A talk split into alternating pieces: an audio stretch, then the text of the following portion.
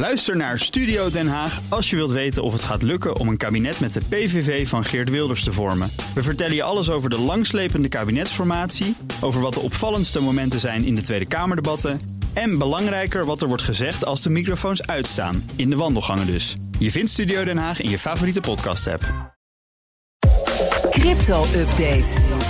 Herbert Blankenstein, presentator van BNR's CryptoCast... ons programma over bitcoin en andere digitale coins, is bij ons. Herbert, goedemorgen. Goedemorgen, Bas. Er komt een eind aan het experiment van Meta, het moederbedrijf van Facebook... met hun portemonnee Novi. Ja, en ik denk dat het definitieve slot wordt van een eh, heel ingewikkeld en verward verhaal. Hm. Je weet nog wel, het begon ermee dat Facebook een wereldmunt wilde maken, de Libra. Ja. Gebaseerd op een mandje belangrijke valuta. En alle autoriteiten ter wereld hadden daar bezwaar tegen. Onder andere omdat kapitaalvlucht daar heel makkelijk van zou worden. Hè. Stel je inwoners voor van een land met een zwakke munt. Die zouden heel makkelijk hun geld eh, zo snel mogelijk in Libra kunnen omzetten.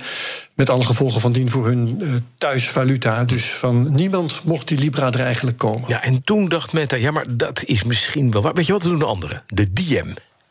Een Ja, Amerikaanse en, munt. eh, Precies, een soort eh, digitale dollar. En die vond ook geen genade, want er waren privacybezwaren in dit geval. Ook te veel financiële macht bij een techbedrijf. En eh, Meta heeft begin dit jaar al het intellectuele eigendom dat bij Diem hoort eh, verkocht aan een bank. Maar dat experiment met die wallet die ze intussen hadden ontworpen, die Novi, die, dat experiment liep nog door in de Verenigde Staten en ook, waarom weet ik niet, in Guatemala. En die proef die stopt nu per 1 september. En deelnemers hebben bericht gekregen dat ze tot die tijd eh, hun geld er nog uit kunnen halen. En daarna gaat de stekker eruit. Maar zit er nog wel überhaupt geld in dan? De mensen die in geïnvesteerd hebben in die Libra? Nou, er, zullen mensen hun portemonnee, die Novi-portemonnee, hebben ze kunnen installeren om Ja. te gebruiken voor betalingen, weet ik wat. En die hebben daar gewoon geld op gestort. Ja, en dat moet er nu dus Dat moet eraf. Alles. Dan een bitcoin-scepticus is midpunt van spot... omdat hij op Twitter klaagt dat zijn bank is gesloten door de autoriteiten. Wie is dat? Ja, nou, dat is niet zomaar iemand. We horen hier wel vaker van hem, Pieter Schiff. Eh, die heb ik wel vaker genoemd omdat hij onvermoeibaar reclame maakt voor goud als belegging. En tegen bitcoin is hij. Eh, ook iets met zijn zoon, maar dat vertel ik nou maar niet. Ehm, het verhaal is nu dat hij ook bankier is. Hij exporteert een kleine bank, gevestigd in Puerto Rico. De Euro-Pacific Bank. En de toezichthouder daar eh, in Puerto Rico heeft vastgesteld... dat die bank een te kleine kapitaalreserve had. En heeft de tent meteen maar gesloten. En Pieter Schiff klaagt nu dat hij niet is gewaarschuwd. en hij klaagt ook dat hij een koper had... die dat tekort had kunnen aanvullen, maar dat mocht dan ook weer niet. En klanten verliezen nu geld. Dus er is onrecht. Ja, kijk, maar, maar wat heeft dat met bi- bitcoin te maken? Helemaal niks. Dat dacht ik al. Eh, maar het komische is dat heel veel Bitcoin-fans op Twitter daar anders over denken. En die zeggen tegen Schiff eh, nu bijvoorbeeld: zie je nou wel dat Bitcoin beter is? Daar Dan had je was het nooit gebeurd. Dat soort teksten. Maar het slaat helemaal nergens op. Want wat had de goede man dan moeten doen? Had hij een cryptobank moeten beginnen? Mhm. Ja, die vallen zelf bij bosjes om op dit moment. Had hij bitcoin moeten kopen? Ja, vast wel. Maar dat heeft niks met zijn bedrijf en met deze affaire te maken. Had hij zijn klanten crypto moeten aansmeren? Daar komen ze bij hem helemaal niet voor.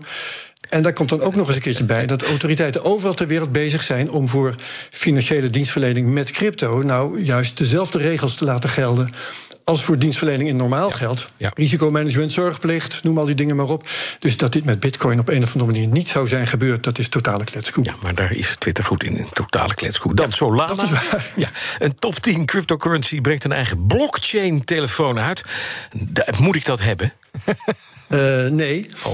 Ehm, eh, het is in Wat is dit geval een smartphone met eh, dingen erin als een crypto wallet, dus een portemonnee, software om crypto software te ontwikkelen. Dat doe jij ook niet. Nee. Eh, een app store voor decentraal werkende apps moet daar dan ook in zitten. Die ja, werken op basis van blockchains. Een manier om je crypto sleutels op te bergen. Allemaal van dat soort geintjes.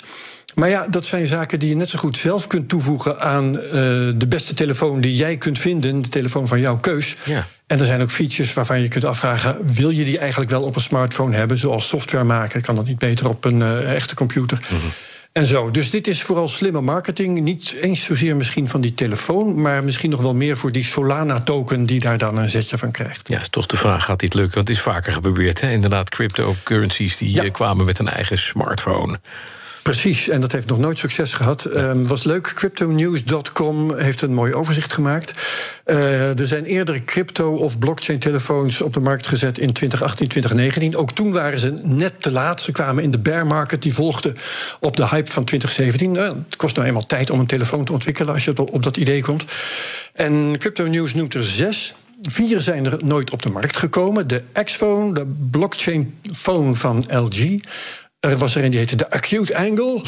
En, er, was de, ja, en er was de Clayton van Samsung. Hmm. En twee zijn uh, er wel gekomen en die zijn zelfs nog steeds te koop. Waren alleen geen succes, anders waren ze wel uitverkocht. Um, dat is de Exodus van HTC. Die kost je 219 euro. En de Fini, die is wat luxer, die kost online 957,5 euro. En die laatste die werd geroemd om de beveiliging, maar ik denk dat die intussen toch wel een beetje verouderd is. Ja, dat is drie jaar geleden. En Exodus, ik zou bijna zeggen, nomen est omen.